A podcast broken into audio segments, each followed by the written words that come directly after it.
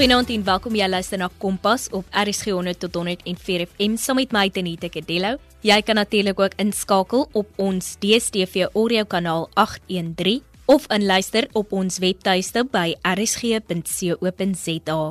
Dit is Woensdag aand wat natuurlik beteken loopbaankeuses en studierigtinge. En in die kollig vanaand is Bekom regte. Ons gesels met Sanay Olivier, 'n derde jaar Bekom regte student aan Peasants Institute in Durbanville. Sanay gaan bietjie vertel wat die vereistes is vir hierdie studie en hoe jou eerste en tweede jaar verloop.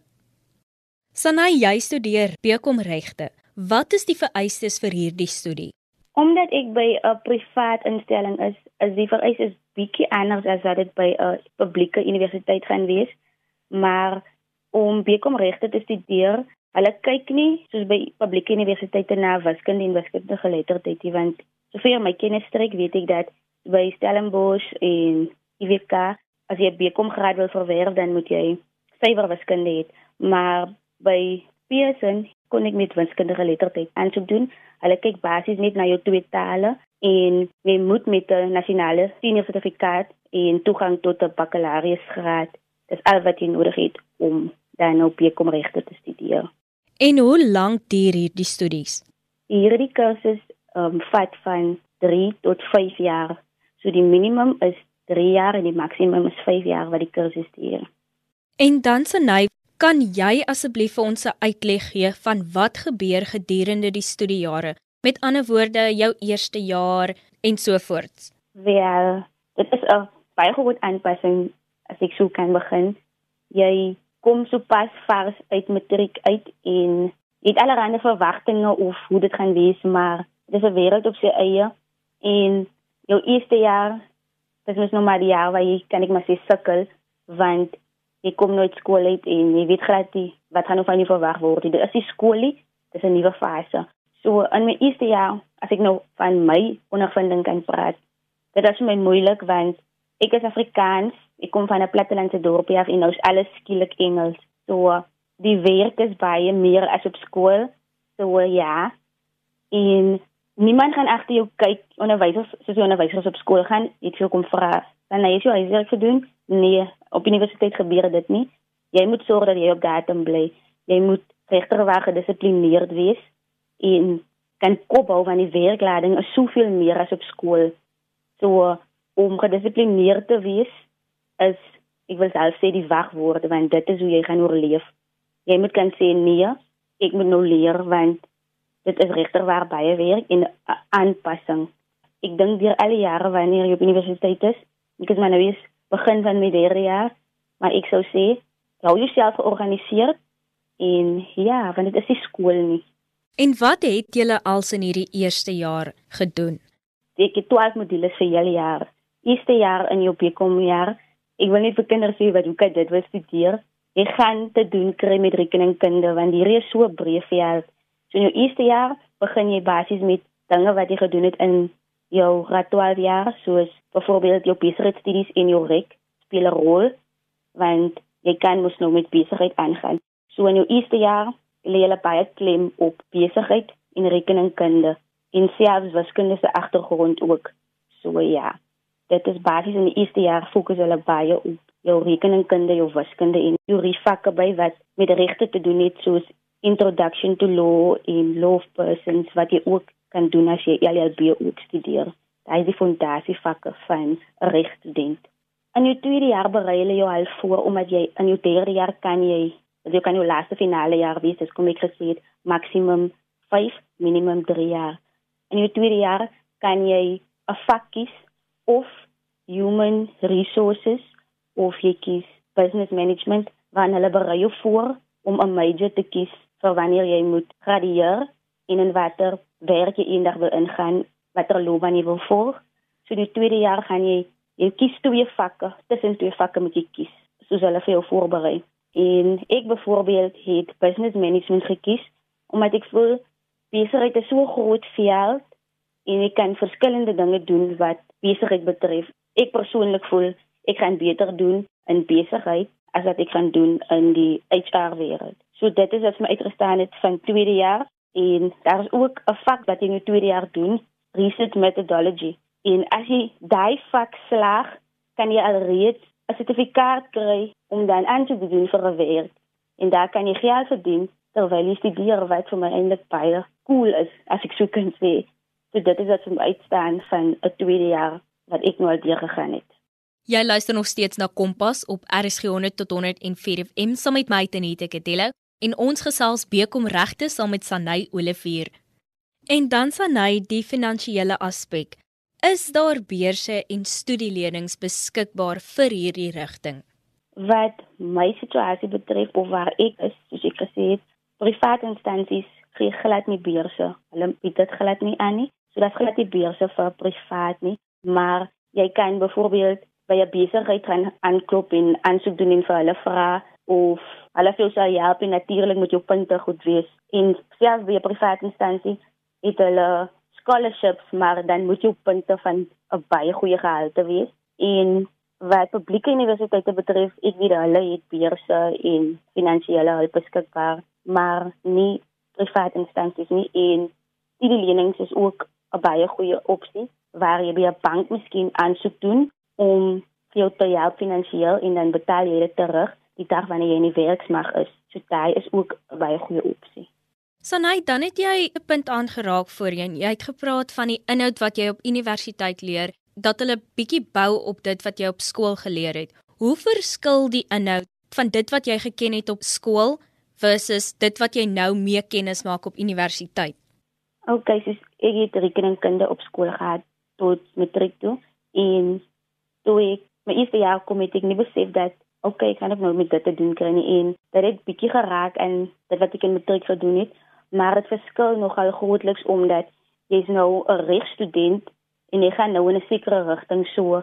Daai rekeningkunde was accounting for attorneys was die vak se naam omdat dit moet vir jou 'n agtergrond gee van hoe 'n rekenmeester of 'n rekenmeester en 'n advokaat daai sal saam doen. So dit het baie verskil, maar was ook baie dieselfde soos die rekeningname het verskil, maar hoe jy dit sou doen op skool sou miskien dieselfde wees as ek sin maak. Ja, wat natuurlik 'n goeie ding is om die korrekte vakkeuse te maak terwyl jy op skool is. Sanay, dan wil ek bietjie gesels oor groei in jou loopbaankeuse of in jou studierigting. Is daar ruimte vir groei in hierdie studierigting? Met ander woorde, vir verdere kwalifikasies en wat behels dit en wat is die vereistes daarvan?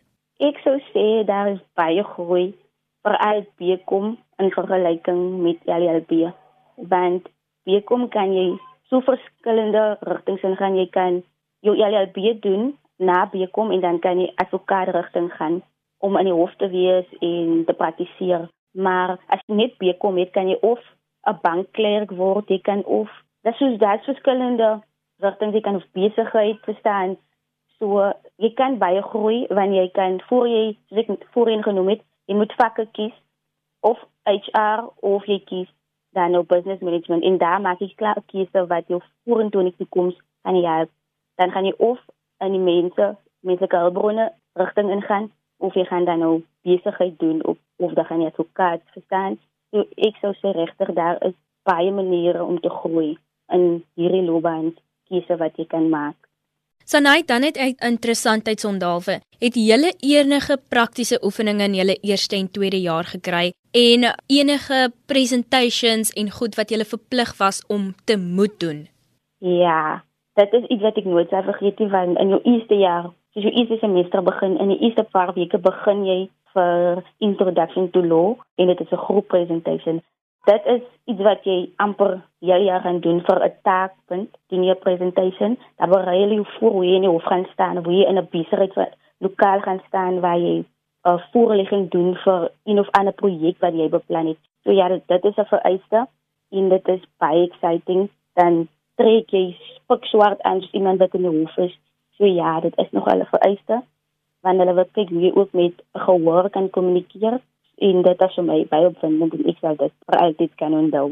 Dit moes seker vir jou vrees aan die hand was aan die begin want dis mos nou die eerste keer sedert skool buite nou die gewone mondeling wat jy op skool doen waar jy voor vreemdelinge moet staan en dan moet jy nou hierdie hele presentation doen. Dit was nogal en dit is baie intimiderend hoe mense wat Hulle eerste taal, hulle huistaal is Engels en jy wat op meisie van die plaas is, moet nou in Engels 'n voorlegging doen vir 60 plus mense wat jy van geen af ken nie. So dit was nogal vrees aan die hand gewees, maar op einde van die dag geniet jy dit want jy word so gemaklik en dan doen jy dit maar want dit op einde van die dag is dit jou punte. So ja, dit was aan die begin nogal bietjie angswekkend vir my, maar ek het dit geniet. Ja, en ek wil nou sê, soos jy praat kom ek agter dat jy was bietjie skrikkerig aan die begin, maar dit lyk vir my asof dit nou een van jou gunsteling goed is.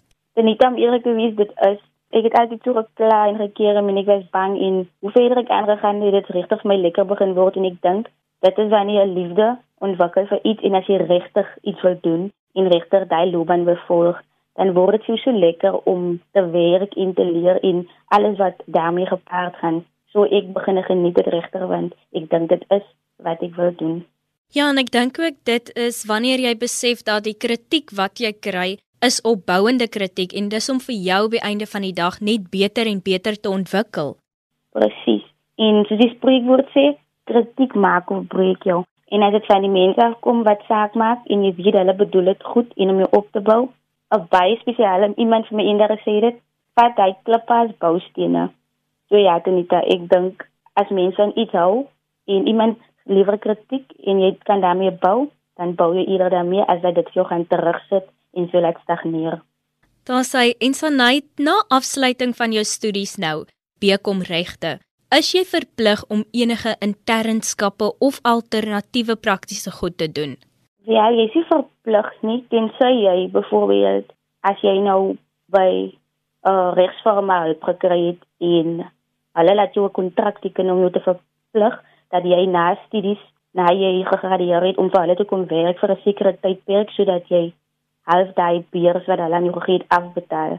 Dit weet ek is 'n verpligting en as jy na jou studies besluit jy wil jou artikels doen of jy wil verder gaan soos ek wat bekom doen, as ek wil praktiseer moet ek LLB doen. So daai is al verpligting, maar verder is daar nie verpligtinge tensy jy jouself voel hoe jy jou vorentoe sien nie.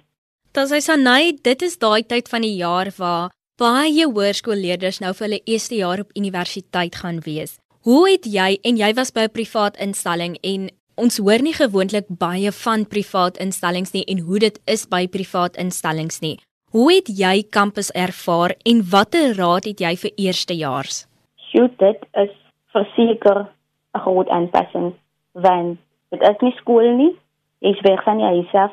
Jy's nou in die groot menswêreld en privaat instellings dit is baie duur, dit is al nadeel, maar die opvoeding wat jy daar kry en die manier hoe jy in jou lecturers en die mense, die administratiewe personeel, hoe hulle jou behandel daar, dit is vir my 'n uitsondering want almal ken jou op jou naam, hulle gee om en hulle wil weet waar jy is as jy die dag siek is, hulle sal jou bel, waar ek dan nie dieselfde by publieke universiteite gebeur nie. En as ek iemand moet aanraai, sou ek sê 'n privaat instelling is die beste want dit is veiliger ook omdat dit so klein is.